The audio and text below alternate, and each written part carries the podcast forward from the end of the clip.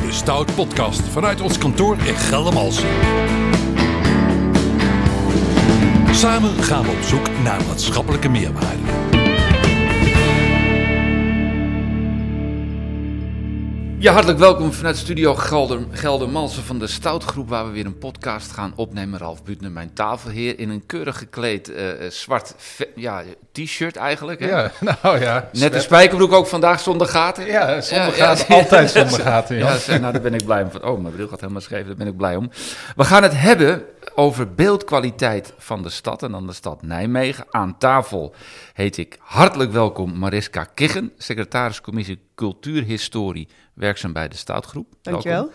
En Harry Boekwijd, voormalig commissielid commissie Cultuurhistorie in de gemeente Nijmegen. Harry, ook van harte welkom. Ik zei het al, voormalig. Dat betekent dat je echt alles kunt gaan zeggen over beeldkwaliteit van de stad Nijmegen. Alle problematiek, alles wat er nog op je hart ligt. Ja, oh, dat zou ik sowieso gedaan hebben hoor. Ja, zeker, zeker. Maar ik ben net, ja, ik ben net eh, afgewisseld. Hè? Die, na een jaar of zes dan eh, heb je je termijn erop zitten. En dan eh, word je automatisch vervangen door een nieuw lid. En dat moment is in Nijmegen voor mij net, net aangebroken. Ja. Per 1 februari. Maar goed, Nijmegen is natuurlijk een prachtige stad. Hè. Ik ken de stad ook goed. Ehm, eh, laten we meteen met de deur in huis vallen. Er is een, er is een restaurant en dat wil ehm, parasols neerzetten. Want de zomers worden steeds warmer en zo. Dat- Dat, schijnt moeilijk te zijn bij een, bij een eh, cultuurhistorisch pand in Nijmegen, Harry. Ja, nou, Rijksbeschermd. Klopt, maar dan heb je het niet zozeer over het pand zelf. Hè, want die parasols die worden dan bij het pand gezet en niet in of aan het pand of binnen het pand. Hè, eh, dan gaat het om de, meer de openbare ruimte die eromheen is. En Nijmegen heeft sommige gebieden aangewezen als beschermd stadsgezicht. En als je dus de hele eh, binnenstad zou overkappen met parasols... Net zoals je vroeger op de kermis de rups had, waar zo'n heel eh, zo'n ding over je heen wordt eh, getrokken op een bepaald moment. Nou, je, je wilt toch wel graag ook een beetje die stad kunnen blijven waarnemen. En die openbare ruimte, die, dat is dan een verhaal apart. En dat, zo'n parasol hoort dan weliswaar bij dat pand. En het is misschien de grond van de eigenaar van het pand. Maar er wordt gewoon gekeken naar wat die parasols doen in- binnen het beschermd stadsgezicht. En, en wat maakt Nijmegen dan zo speciaal cultuurhistorisch? Mariska. Oeh, ik denk dat Harry daar nog beter antwoord op kan geven. Maar eh, Nijmegen heeft natuurlijk heel veel historische panden. Eh, panden die aangewezen zijn als gemeentelijk monument. Of Rijksbeschermd stadsgezicht, wat we net al zeiden. Gemeentelijk beschermd stadsgezicht. Rijksmonumenten heb je daar. Er is heel veel te vinden. Nog. Is het een uitdaging dan om specifiek voor Nijmegen te werken? Lijkt mij wel. Ik bedoel, Als, Eh, als er zoveel cultuur historisch aanwezig is. Ja, dat wel. Oudste Maar- stad van Nederland, toch? Dat eh, roepen ze wel. Ja, maar, dat zegt dus genoeg. Ja, Ja, maar, dan- zegt maar dan kun je met trots eigenlijk zo'n functie bekleden, lijkt mij. Ja, Ja, ik vind dat ook heel erg leuk. Maar dat komt ook omdat ik zelf interesse heb in die historie van die panden. Er is Mhm. zoveel gebeurd, ook in Nijmegen zelf natuurlijk, vanwege de oorlog.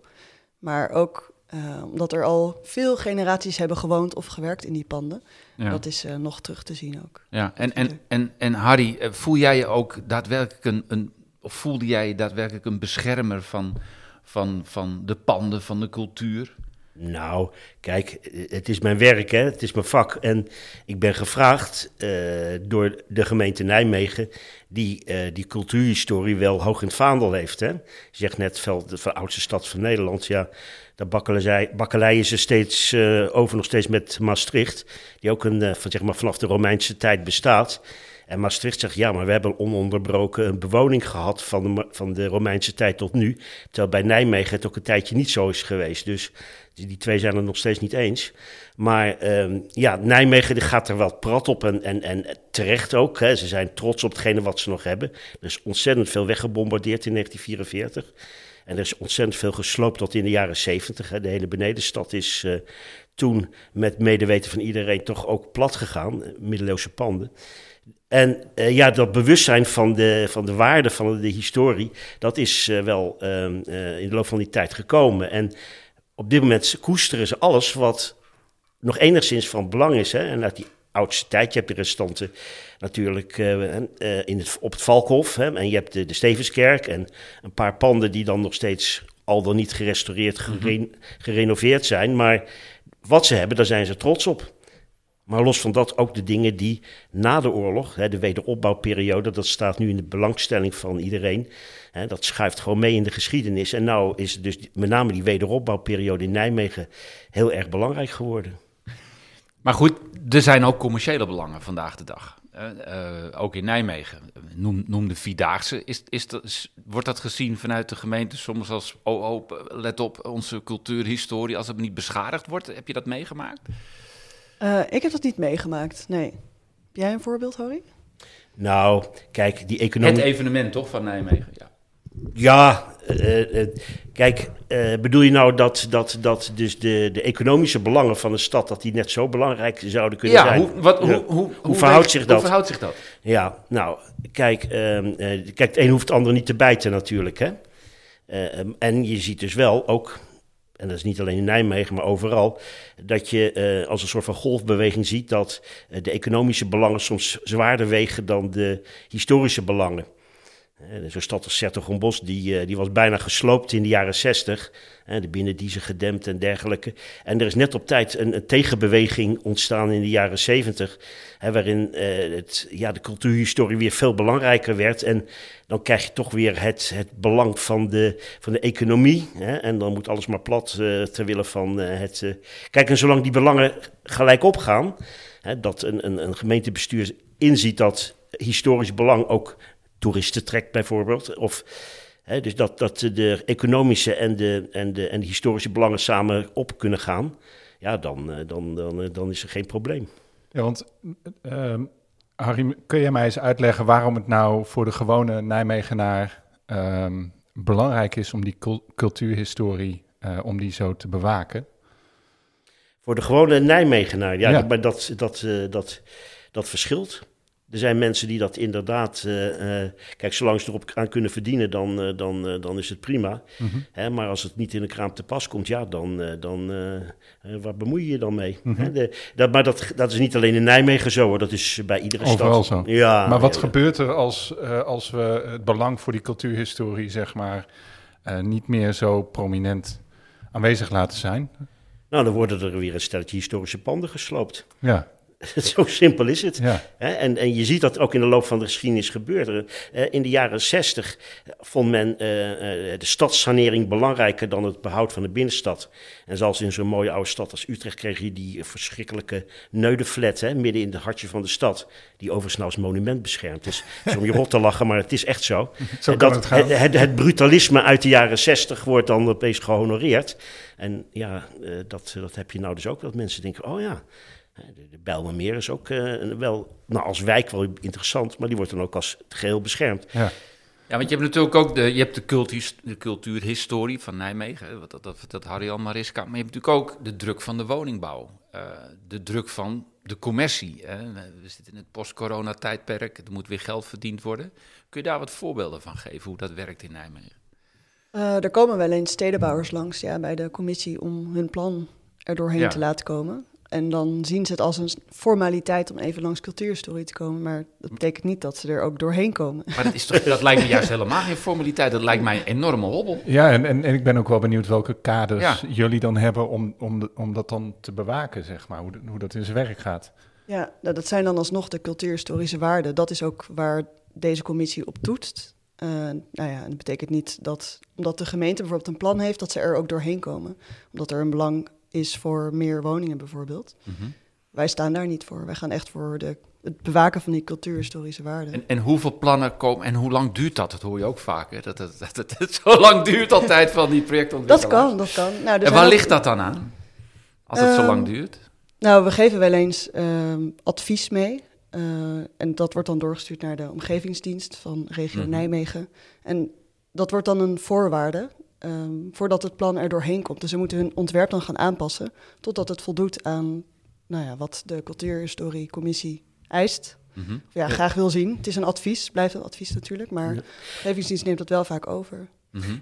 Ja, maar kijk, het, laat, voor alle duidelijkheid, die commissie die bepaalt niet van tevoren alles. Hè? Je hebt bepaalde kaders waarbinnen je, waarbinnen je adviseert. En dat geldt ook voor de, meer de welstandsaspecten. En dan heb je beeldkwaliteitsplannen die al door de gemeente zijn voorgekoud, voorbereid.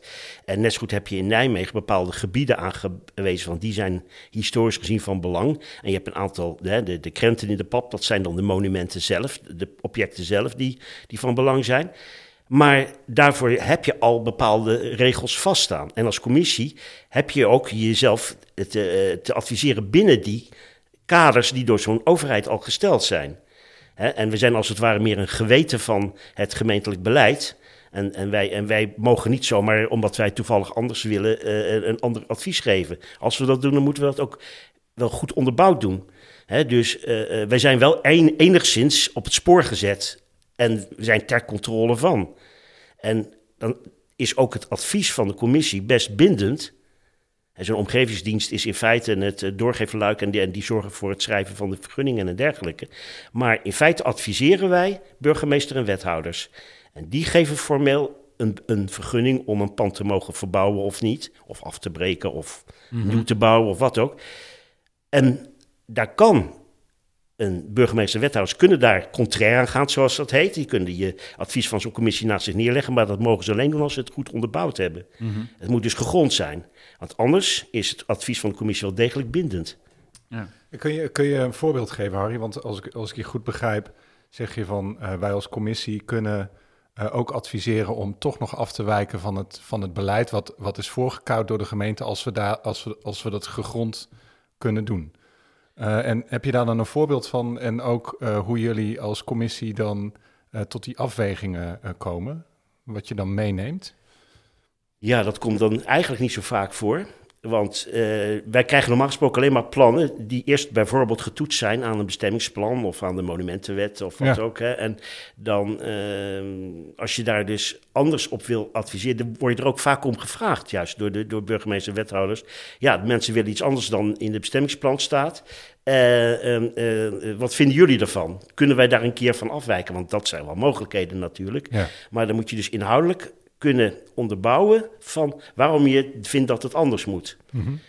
en ja, een voorbeeld van een heel groot project is geweest, uh, en dat is dan niet zozeer een, een, restauratie van een bestaand iets. Hè. Dat is een heel heet hangijzer geweest. Dat men initiatieven had, en de burgemeester van Nijmegen vond dat prachtig ook, om de toren van het Valkhof, dat enorme kasteel wat daar bovenop die, op de heuvel staat, hè, op het Valkhof, om die toren, die donjon, te herbouwen. En dan hebben ze zelfs met stijgerpijpen die dat ding een keer één op één... met doek eromheen. Met doek eromheen. Nou, dat heeft een enorme discussie opgeleverd. En helaas, net vlak voor mijn tijd dat ik als commissielid, anders had ik waarschijnlijk wel iets anders gezegd wat nou als advies naar buiten gekomen is. Maar eh, dan krijg je dus dat de gemoederen heel hoog oplopen. En dat uit cultuurhistorisch oogpunt mensen hebben gezegd: nee, dat gaan we niet doen, want, uh, de, uh, want de ondergrond is ook heel erg van belang. Nou ja, dat Valkhof is volledig omgewoeld sinds, sinds 1800 eigenlijk. Dus nou ja, daar kan je over twisten hoe belangrijk dat is. Maar uiteindelijk is dat dus niet doorgegaan. Terwijl er een heleboel mensen waren, ook binnen, binnen het college, die heel graag die donjon wilden terugbouwen. Ja. En dat is ook door de cultuurhistorici, dus eigenlijk van de, van de commissie, die hebben dat, uh, die hebben dat uh, neergesabeld. Grappig, ik zou, ik zou bijna juist uh, andersom verwachten. Dat juist de cultuurhistorici zouden denken van gaaf dat hier weer dit terugkomt. Maar dat is dus uh, te makkelijk gedacht voor mij. Ja, ja klopt. ja, ja, maar er is dus eigenlijk de, het feit uh, van uh, de, ja, de, de en het ging ook om de centen, want er zou een enorm archeologisch onderzoek moeten plaatsvinden voordat ze daar die toren gingen bouwen. Hè, en dat zou dus werkelijk zo enorme kosten met zich, en tijd met zich meebrengen dat het allemaal ook niet haalbaar bleek te zijn. Maar um, ja, dat, dat technische aspect van die archeologie, is toen, uh, is toen de belangrijkste reden geweest om de zaak eh, te cancelen. Hè? En wat mij betreft hadden ze hem heel goed kunnen bouwen hoor. Maar goed, dat, ik zeg altijd, het was na mijn tijd. Of tenminste, ik kwam net daarna pas in die commissie. We weten natuurlijk nooit waar deze podcast nog terecht gaat komen. maar, maar, bestond deze, deze bescherming van dit cultuurhistorisch besef, bestond dat al in de middeleeuwen? Ik bedoel, werd toen de stad al beschermd? Weten jullie dat? Nee. Nee? Nee, dat was toen niet het Dat geval. besef was er toen nog niet. Van, van, want want de Nee. oudste stad van... eh, Welk jaar ook alweer eh, g- gesticht? Nijmegen? Ja, Romeinse tijd. Hè? Ja. Wij bijna 2000 jaar Precies, geleden. dus de middeleeuwen zijn een heel stuk later. Dus, Ja. de- dus er was toen nog niet een, een cultuurhistorisch besef, denken wij, voor wat we weten in de archieven. Nee. nee.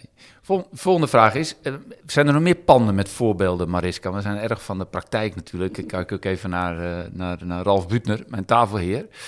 Van waar je, waar je hebt moeten struggelen, waar je gevecht op moeten leveren eh, met, met, met degene die die plannen indienen, die dan boos zijn. Of is er veel frustratie? Hoe gaat dat? Eh, regelmatig, ja. Als ze bijvoorbeeld een negatief advies krijgen, Ja. terwijl zij hoopten dat het Dan gaan ze eh, je bellen en dan- makkelijk doorheen komt. Ja. Gaan ze je dan bellen of zo? Van hoe kan Eh, dat? maak ik wel En- eens mee, of ze sturen een mail en dat blijft dan maar doorgaan, of ze blijven steeds terugkomen. Eh, er zijn ook mensen die dan bijvoorbeeld, eh, zonder dat ze een vergunning hebben aangevraagd, een aantal dakramen gewoon in een historisch pand plaatsen. En Wat doe je dan? Ga jij dan langs, bel je aan en zegt hallo, ik ben Nee, eh, Mariska? Die taak is gelukkig niet voor Nee. mij. nee. Maar ze komen dan later, als ze dus beseffen dat ze een vergunning nodig hebben, alsnog langs. Want handhaving is dan langs geweest. Moet een vergunning aanvragen om te legaliseren. Dan Mhm. komen ze ook langs bij cultuurhistorie, want het is een monumentaal pand bijvoorbeeld. Eh, en dan kan het zijn dat de commissie adviseert dat die dakramen alsnog weg moeten. En dan zijn ze boos. Ja. En, en grotere projecten in Nijmegen waarvan jij dingen weet of kun je iets delen? Ehm, nou, ik weet dat Canisius langs is geweest, toch? Ja. Dat is een Ja, heel groot project. Dat, dat is nog steeds bezig. Hè? En eh, ja, dat is een interessant eh, voorbeeld. Want dan krijg je ook niet alleen wat het gaat om de, an- buiten de andere partijen, maar ook binnen zo'n commissie. Want in Nijmegen heb je gecombineerde commissie, commissie beeldkwaliteit. Daar zitten ook wat dan vroeger welstand noemde. Dus architecten die dus ook over nieuwbouwplannen eh, oordelen. En Canisius is natuurlijk een, heel groot project, waarvan er eigenlijk alleen de grote voorkant, de hele monumentale voorkant van dat grote Jezuïetencomplex, zeg maar, eh, aangepakt wordt op dit moment. Maar dan wordt er ook een, iets tegenaan gebouwd, iets, iets aan tegenaan naast gevoegd. En als je dus de, eh, die, als de Jezuïeten daar nog in hadden gezeten, dan was dat net zo monumentaal geworden natuurlijk als de rest. Hè, met enorme verdiepingshoogtes en echt eh, monumentale architectuur. En eh, nu eh, moest de commissie eh, oordelen over initiatieven om daar iets tegenaan te zetten. Want die voorbouw die wordt wel gerestaureerd en gerespecteerd. En eh, enfin, hè, er wordt een, een woningbouwproject in, in, in gerealiseerd. Nou, daar kom je uiteindelijk wel uit. Als je, de, als je de belangrijke dingen laat zitten. Eh, maar dan, wat zet je er tegenaan als je iets ernaast bouwt? En er is meer welstand dan cultuurhistorie natuurlijk. Maar eh, dan was mijn mening bijvoorbeeld van... nou, laten we nou net eens even nadenken. Stel dat, die, stel dat er nog steeds zo'n Jezuïetencollege is... En, en die gaan uitbreiden. Hoe zouden zij het doen dat je in de geest van het ja. gebouw wat er staat... er Ja. ook iets naast zet? Ja. Maar dan heb je dus nu binnen die commissie ook een, een, bijvoorbeeld een landschapsdeskundige en andere ja, eh, moderne architecten die daar misschien, en dan heb je natuurlijk met subjectieve dingen te maken, van wat, vind, wat vinden die nou belangrijk? En dan zeg je, ja nee, maar dan kan je beter doen naar, het kijken naar de huizen in de wijk die ernaast ligt of zo, in plaats van te kijken naar het complex zelf. Moet je aanpassen aan de omgeving of juist aan hetgene wat er staat. Hè, eh, dus extra monumentaal of juist eh, iets meer. eh, nou, En, en, en wie stuurt die discussie? Ik kan me voorstellen, en hoeveel mensen zitten er om de tafel? Worden die stukken boem op tafel gelegd? Of, Ja. of hoe, hoe, hoe, hoe gaat dat in zijn werk? Oh ja, de, plannen worden gepresenteerd, want het is een aanvraag. Ja. Dus de Maar hoeveel mensen kijken daar naar zo'n naar zo'n presentatie? Met hoeveel mensen zijn jullie?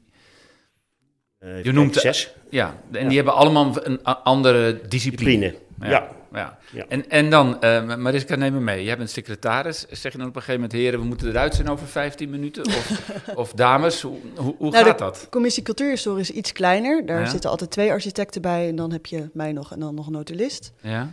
Eh, en als de tijd begint te dringen, iedereen, iedere aanvrager krijgt 20 minuten om toe te lichten. Ja. En als de tijd dringt, want de volgende komt alweer voorbij, eh, nou, dan geef ik aan inderdaad dat er een einde aangebreid moet worden, dat er conclusies getrokken moeten En worden. dan is het gepresenteerd en gaan, trekken dan de, de leden van de commissie zich terug? Of dat gaan ze rustig thuis bekijken? Hoe, Nee, ja, toch nee. Ralf? Ben heel benieuwd hoe dat dan gaat. Ja, de stukken worden wel, spanning het antwoord. De stukken worden vooraf gedeeld met de eh, commissieleden, Ja. dus die kunnen dan die stukken al bekeken hebben. Ehm, en tijdens die vergadering wordt met de toelichter erbij dus bes- eh, die stukken besproken. ja. Dus ze kunnen ook meeluisteren daar, eh, Oké, en dan horen ze heel vaak al van, nou, het is go or no go. Ja, Dus dat gaat best snel.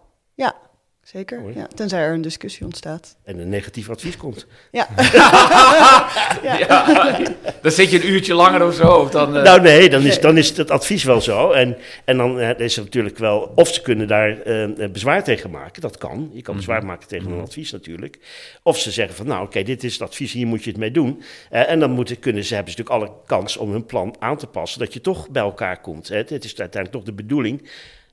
Tenzij het zo, de meningen zo uiteenlopen, dat, maar dat je toch eh, een bepaald moment eh, naar elkaar toe komt. En dan kost het één of twee of misschien wel drie eh, nieuwe vergaderingen om, voordat zo'n plan wordt goedgekeurd. ja. Het is ook niet meteen het plan, maar je hebt soms ook eerst dat er eerst een voorbespreking is. En dat je dus algemeen, in algemene zin zegt, nou je zit op de goede weg of niet. En dat daarna het definitieve plan, want je moet geld spenderen aan het besteks klaarmaken van die dingen. Hè. Dit moet gebouwd kunnen worden. Voordat je dat al is als een definitieve vorm ja. de definitieve aanvraag doet, moet je wel de kans krijgen om eerst van tevoren een paar, één of twee keer kunnen overleggen. Ja, oké. En dan zeggen jullie dus van, nou, dat dakraampje kan niet, want eh, dat staat in die, die hè, dat, dat, en, maar, en Ja. die gevel moet je rondmaken of zo, want dan kan het. Of sturen Ja. jullie dat zo?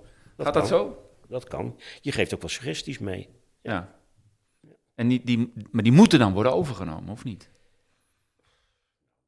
Eh, als ze slim zijn, doen ze dat wel. Dan Ja. krijgen ze een Nou, ik vind het heel leuk namelijk om in die procedure te... te- Ja. Nou, je hebt ook mensen die dan eigenwijs zijn eh, Ja. en dat dus niet doen en dan steeds terugkomen en beargumenteren waarom hun ontwerp toch beter is dan onze suggesties. Ja. En, Maar en ja. gebeur- gebeurt het dan wel eens dat ze na, na drie, vier keer eh, dan toch hun, hun gelijk krijgen? Of, eh, Kleine kans. Kleine Nee, kans. We houden wel voet bij stuk. Ja, Ja. ja. Want, want het is ook, we moeten het ook wel heel goed onderbouwen, ons Ja. advies. Hè? ja. En, de, en, en, eh, en we kijken ook naar eh, mogelijk eh, ja, dat het een. een, een dat het ook elder. Kijk, als je, in een, in een, als je één dakkapel, zeg maar, of een opbouw in een wijk toestaat en het is de eerste, dan krijg je gewoon een precedentwerking. Dus je moet wel in de gaten houden dat als je iets toestaat, dat ook degenen die dan daarna komen, dat eigenlijk min of meer als voorbeeld zouden moeten kunnen pakken. Ja, dat het, anders krijg je een ratje toe van allerlei verschillende dingen. Door Ja. in zo'n wijk, je wil toch een beetje de samenhang erin bewaren. En dan mag je dan ook naar verwijzen. En dan wordt ook op bepaald moment, eh, ook zelfs hè, als het tot een confrontatie komt met, eh, met, met bezwaar maken en weet ik veel allemaal, dan krijg je toch dat, dat dan gekeken wordt van ja, nou dat advies van de commissie, dat is heel redelijk in zin. Hè, en en eh, ja, dan kunnen ze hoog of laag springen, maar dan gaat het plan niet door. Ja. ja. Gaaf, het klinkt een beetje als eh, hoe, een, hoe een rechter, zeg maar... Ja, eh, daar zit ik ook- ik heb Ja, net een soort rechtbank Ja, ja, dat kan. Dat gebeurt dat in Ja. sommige gevallen, als het echt, eh, hè, als, als, de, als de partijen lijnrecht tegenover elkaar staan, dan is dat het ultieme. Dan kan je, dan kun je inderdaad, heb je een commissie waar je dat eh, kunt, eh, Ja. kunt, kunt, kunt Maar dat is, dan, dan gaat eigenlijk de rechterlijke macht eh, beslissen, of niet? Ja, nou ja, het is zo dat, eh ja, en dan zit er ook een, een, een eh, ja, want En met- dat ook jullie, zijn, van de gemeente. jullie zijn Ja. gemeentelijk, jullie zijn gemeentelijk. Ja, nee. Is er een conflict? Of, of? Ja, nee, maar kijk, kijk nee, het is zo goed. dat wij zijn een onafhankelijke commissie. Oké, Want dat is, dat is verplicht, anders krijg je gewoon... Nou, oké, Dat- dat is als, helemaal commissie, als commissie heb je, want eh, ik heb geen enkele eh, binding met de gemeente en hè, Mariska ook niet. Wij zijn gewoon particulieren die gewoon vanwege onze specifieke deskundigheid in een commissie worden Ja. gevraagd. Nou, en vervolgens eh, neemt de gemeente dat over, dat advies. En dan is het de verantwoordelijkheid van de gemeente geworden. Dus komt dat voor een bezwarencommissie, dan zit daar namens de gemeente een jurist bij en iemand van stadsontwikkeling, die dan in feite zegt van ja, nou, dit plan hebben wij als gemeente afgekeurd. En als gemeente neem je daar verantwoordelijk voor. Dan wordt daar dus in feite de wethouder voor verantwoordelijk gesteld. Ja. En wij als commissie hebben we daar verder niks meer mee te maken. Maar de, de rechterlijke macht, ehm, eh, daar zitten dan ook, eh, binnen de rechterlijke macht zijn er denk ik ook experts op dit terrein, Mariska, klopt dat? Die, die over dit soort conflicten moeten gaan oordelen als die er komen? Ik neem aan dat die opgeroepen kunnen worden. Ja, Ja. maar ik heb dat zelf nog nooit meegemaakt. Nou, Harry, jij? nou, nou jawel. eh, want ja, ik heb, eh, ik heb ooit ook gewerkt bij de gemeente eh, Den Bosch. Daar ben ik ook daarvoor gevraagd, ook wel eens bij beroepen, bezwaarprocedures. Mhm. tegen het aanwijzen van een monument bijvoorbeeld. En dan, ehm, eh, dan is het vaak zo dat, dat een, vooral op de procedure wordt, eh, wordt, wordt, eh, wordt beoordeeld of de correcte procedure gevolgd is. Ja. Dus de maar, in, regeltjes. inhoud, ja, maar de inhoudelijke, hè, eh, of het wel eens of niet is, is, dat of niet is, is, dat is ook gebeurd hoor trouwens. Niet in Nijmegen, maar in dit geval dan in Den Bosch. Dat eh, iemand geprobeerd heeft op inhoudelijke gronden het aanwijzen van een pand als monument tegen te gaan. En toen heeft de rechter uiteindelijk toch wel besloten, zei van ja, nee, maar luister eens, de reden voor de gemeente eh, om dit te beschermen, dat is gewoon vanwege de, de plek in de wijk of iets dergelijks.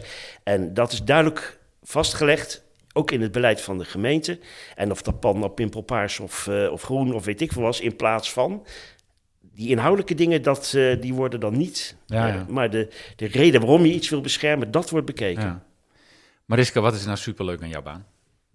Ehm, het binnenkijken bij die panden. Ja? ja. ja, er komen ook vaak rapporten voorbij met allerlei foto's van de monumentale delen. Bijvoorbeeld ornamenten op het plafond en dergelijke. Dat vind ik heel erg leuk. Ja. Mhm. En heb je hiervoor gestudeerd? Nee, ik heb wel in Nijmegen gestudeerd aan de Mhm. Radboud Universiteit. Ik heb rechten gestudeerd. Mhm. En toen liep ik eigenlijk altijd, nou, bijna dagelijks wel door de stad... om gewoon rond te kijken bij die panden. Ik woonde zelf ook in zo'n oud pand. En eh, ik, ik weet niet precies waar die interesse vandaan kwam... maar ik heb dat al jarenlang eigenlijk. Ik vind het Mhm. heel erg leuk om naar te kijken. Maar moet je er ook in verdiepen nu? Eh, in, in de materie, in de, in de bouwconstructie? ehm, eh, Nee, in dat de- In niet. de bouwgeschiedenis? Nee. Dat hoeft niet. Nee, maar je leert wel veel tijdens zo'n vergadering. Ja, want je hoort ook allerlei ehm, termen die die architecten gebruiken, waar ik nog nooit van gehoord heb. Bijvoorbeeld wienersprossen, geen idee wat dat was. Ja, maar dat doe ik ook altijd in de podcast. Ik hoor ook altijd dingen waar ik nooit van gehoord heb. Dus dat is niks vreemds, Ja, toch? dat laatste klonk als een broodje wat je bij de... Ja, Ja, precies. precies. Ja, Ja, ja, dat is niet zo lekker hoor. Zeg nog eens, wat was het? Het is een beetje... Wiener? Wiener? Wienersprossen. Ja. Wat is het, Harry? Ja. Ja, dat, dat, het is een beetje, een beetje plakkerig. Nee, dat zijn plakkerroetjes. Nee, wienersprossen. Eigenlijk nee. Kijk, wat wij niet willen is bijvoorbeeld dat je... eh, dat kan wel eens in tegenspraak zijn met de huidige wens om driedubbel glas in je... In je en vaak Ah. dan, dan, dan, eh, dan lenen die, die fijne profileringen in die ramen zich niet voor dat, dat dubbele glas. Hè? Ja, nou, ja. en wat ze dan doen is roetjes er tegenaan plakken. Dat zijn dus nepdingen. Maar wienersprossen zijn, zijn een soort van roetjes die ze dan in, de, in het dubbele glas verwerken als een, hè, als een, als een in- inwendig roetje, waartegen je binnen aan de buitenkant zo'n plakroede Ah, eh, je zegt. weet het, hè, Ralf? Dus dan heeft het toch wel een zekere constructieve betekenis. En niet alleen maar een of ander stukje plastic wat je tegen het raam plakt, snap je? Wij leren altijd wat in deze podcast. Mooi, Dank jullie wel voor jullie komst naar de studio naar Geldermans, Harry en Mariska. Dank jullie wel. Dit was de Stout Podcast vanuit Geldermalsen. Tot de volgende keer.